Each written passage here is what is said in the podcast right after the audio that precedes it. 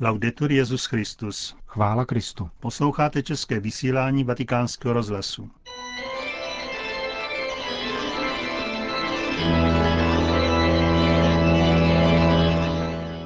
Církev a svět. Náš nedělní komentář. Připravil Josef Koláček.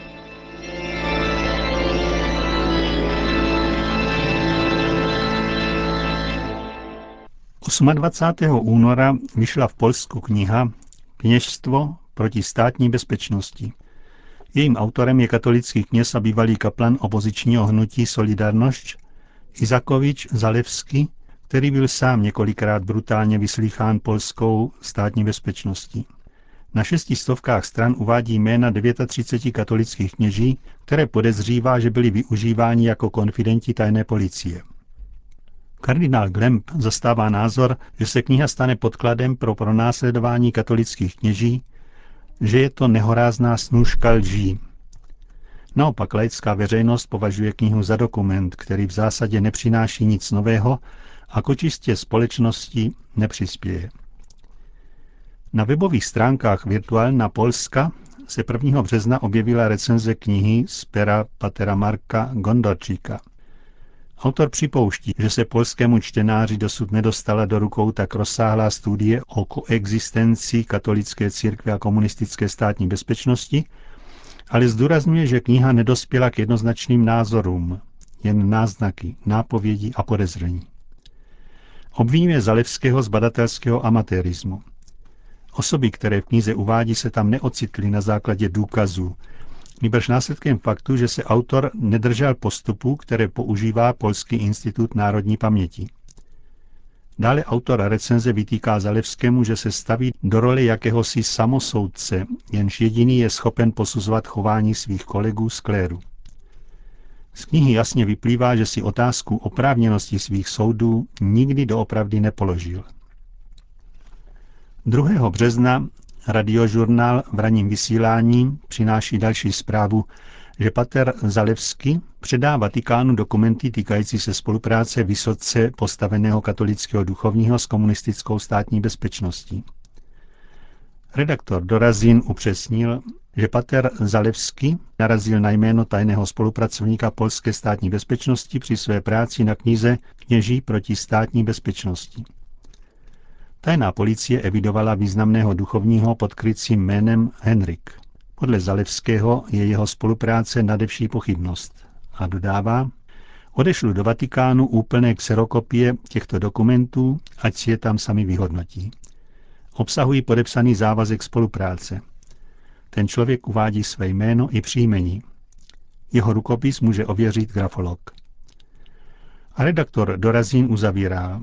Podle obvykle dobře informovaného týdeníku Prost se pod pseudonymem Henrik skrývá apoštolský nuncius na Slovensku arcibiskup Henrik Josef Novacký. V poslední době obvinování a pranířování církevních osob v Polsku, jakož i těch, které jsou ve službách svatého stolce, nabilo takových rozměrů, že se každý čestný člověk musí cítit zasažen do živého. A to všechno se dělá, aby se kladly překážky procesu blahořečení Jana Pavla II. Prohlásil krakovský arcibiskup Stanislav kardinál Dziwiš v interview, které vysílal polský program vatikánského rozhlasu po nedávno vysloveném podezření týkajícího se spolupráce tajného agenta Henrika, kterého polská média spojují s arcibiskupem Henrichem Novackým, nynějším apoštolským nunciem na Slovensku a předtím mnoho let vedoucím polské sekce státního sekretariátu za pontifikátu Jana Pavla II. Znám jeho odpovědnost za každé slovo, jeho bezúhoné chování a pracovitost. Proto nemohu nevídat svědectví o tomto muži. Bylo mi to z mé strany velké opominutí, prohlásil kardinál Dziwisz. Zasáhnout tohoto muže to znamená zasáhnout všechny Poláky, papežovi spolupracovníky, a tedy zasáhnout samého božího služebníka Jana Pavla II. Vytváří se obraz špionů, kteří obklopovali papeže Vojtilu, a to je lež a pomluva. Míří se na to, aby se vytvářely překážky k procesu svatořečení. Sám kardinál, který byl po 40 let pravou rukou Karola Vojtily, osobním sekretářem, Pokračuje odkazem, že atmosféra obvinění a podezírání, jež se vytvořila, náramně škodí dobrému jménu církve i Polska na mezinárodním poli. A proto se ptám, pokračuje, kdo bude před Bohem a před dějinami odpovídat za tyto křivdy. Obracím se s výzvou na svědomí. Uvedu slova Jana Pavla II., když citoval apoštola Pavla. Dejte si pozor, abyste se navzájem nerozsápali. Obracím se na kontemplativní řády, aby se modlili za odpuštění hříchů a vin nás všech, a aby nám Duch Svatý dal své světlo, abychom obohacení těmito bolestnými zkušenostmi mohli obnovit jak svou církev, tak i soužití mezi Poláky. Obvinění těchto posledních měsíců šířené s podezřelou zálibou hromadnými sdělovacími prostředky nespravedlivě ničí právo na dobrou pověst, které má každá osoba. A kardinál dodával, toto všechno se dělá ve jménu údajné pravdy. Jaké pravdy? V těchto případech se nelze ospravedlňovat důvody vědeckého bádání, které vždy musí být podřízený mravním normám lidského chování. Pro krakovského arcibiskupa mimo jiné nelze považovat za věrohodné poznámky agentů tajné policie z doby komunismu, ani by byly studovány s největší odpovědností a aniž by se přihlíželo k celému životu obviněných osob. Kolikrát si ti agenti vymýšleli nebo ideologicky zkreslovali fakta. Jako příklad věrohodnosti těchto dokumentů uzavírá kardinál Diviš, může posloužit případ údajů jednoho agenta, který mě sledoval, v němž se čte, že jsem se narodil Mšana Dolna a že jsem trávíval prázdniny v Poroninu. Ani první, ani druhý údaj není správný. Lze si to snadno ověřit. Není třeba zvítězit nad protivníkem, ale přesvědčit ho. Sklon ponížit protivníka je znamením méněcenosti, který jí posedlý. Má totiž sklon zuřivě ponížit protivníka, aby uvěřil, že nad ním rozhodně zvítězil. V tomto sklonu je úsudek o vlastní neschopnosti a slabosti.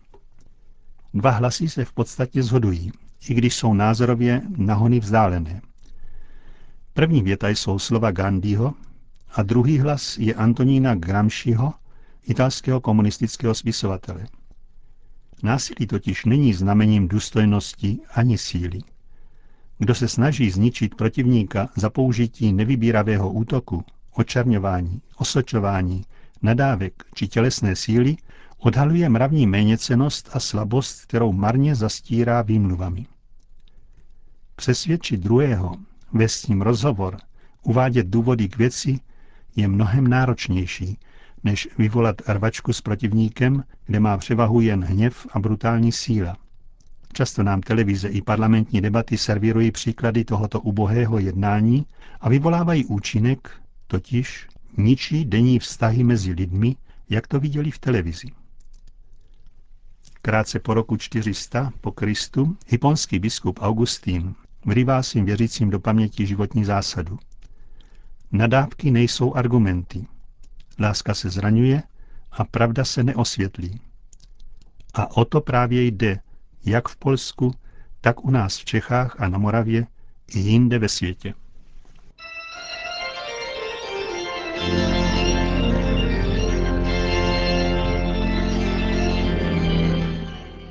To byl náš nedělní komentář Církev a svět.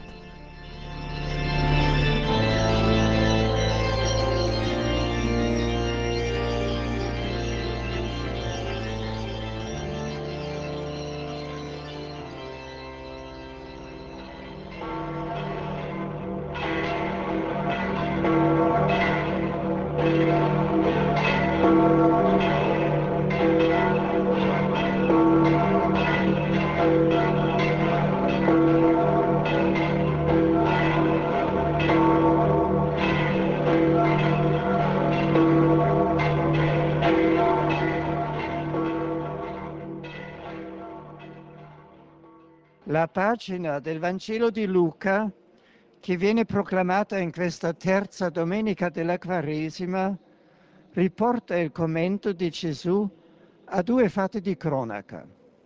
Il primo. Úryvek z Lukášova Evangelia, který se čte tuto třetí postní neděli, přináší Ježíšův komentář ke dvěma událostem denní kroniky. První, Vzpoura několika Galilejců, kterou Pilát krvavě potlačil. Druhá, zřícení jedné věže v Jeruzalémě, jež si vyžádalo 18 obětí. Dvě zcela odlišné tragické události. Jedna způsobená člověkem, druhá nepředvídaná. Podle dobové mentality lidé byli náchylní myslet si, že neštěstí postihlo oběti kvůli nějaké těžké vině. Ježíš naopak říká, myslíte si, že ti Galilejci byli větší hříšníci než ostatní? A nebo těch osmnáct, že byli větší hříšníci než ostatní obyvatele Jeruzaléma? A u obou případů uzavírá. Ne, říkám vám. Když se však neobrátíte, všichni právě tak zahynete. Ecco dunque il punto al quale Gesù vuole portare i suoi ascoltatori. To je tedy bod, ke kterému chce Ježíš přivést své posluchače. Nutnost, aby se obrátili. Nepředkládá jim to v moralistických termínech, nýbrž naprosto realisticky, jako jedinou vhodnou odpověď na události, které uvádějí do krize lidské jistoty. Tváří v tvář tím neštěstím, upozorňuje pán, není k ničemu svalovat vinu na oběti. Pravou moudrostí je spíše dát se oslovit nejistotou existence a zaujmout odpovědný postoj, konat pokání a zlepšit svůj život. Toto je moudrost, toto je účinná odpověď na zlo, na každé úrovni, meziosobní, společenské, mezinárodní. Kristus vybízí odpovědět na zlo především vážným zpytováním svědomí a úsilím napravit svůj život. Jinak, zdůrazňuje, zahyneme a zahyneme všichni tímtéž způsobem. Vždyť konečným osudem osob a společnosti, které žijí tak, že se nikdy neuvádějí v pochybnost, je úpadek a stroskotání. Obrácení naopak i když neuchrání před problémy a neštěstími, umožňuje čelit jim jiným způsobem. Především pomáhá předcházet zlu tím, že zneškodní jeho hrozby. A v každém případě umožňuje přemáhat zlo dobrem, neli na úrovni faktů, které jsou někdy nezávislé na naší vůli, pak jistě na duchovní úrovni. Zkrátka, obrácení přemáhá zlo v jeho kořenu, jímž je hřích i když se nemůže vždycky vyhnout následkům. Preghiamo Maria Santissima, che ci accompagna e ci sostiene nell'itinerario quaresimale Prosme nejsvětější panu Marii, která nás doprovází a posiluje nás na postním pochodu, aby pomáhala každému křesťanu objevit velkost a řekl bych krásu obrácení.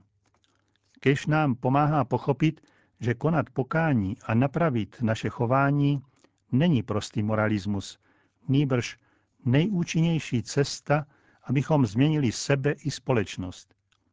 Vyjadřuje to velmi dobře šťastné rčení.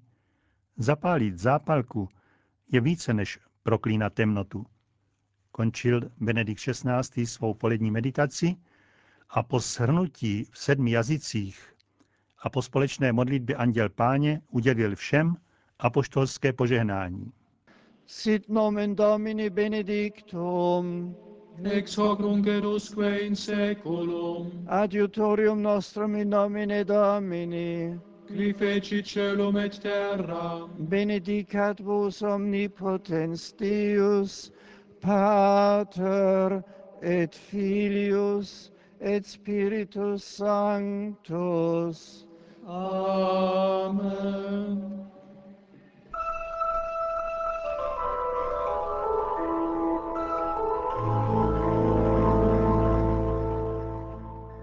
Končíme české vysílání vatikánského rozhlasu. Chvála Kristu, laudetur Jezus Christus.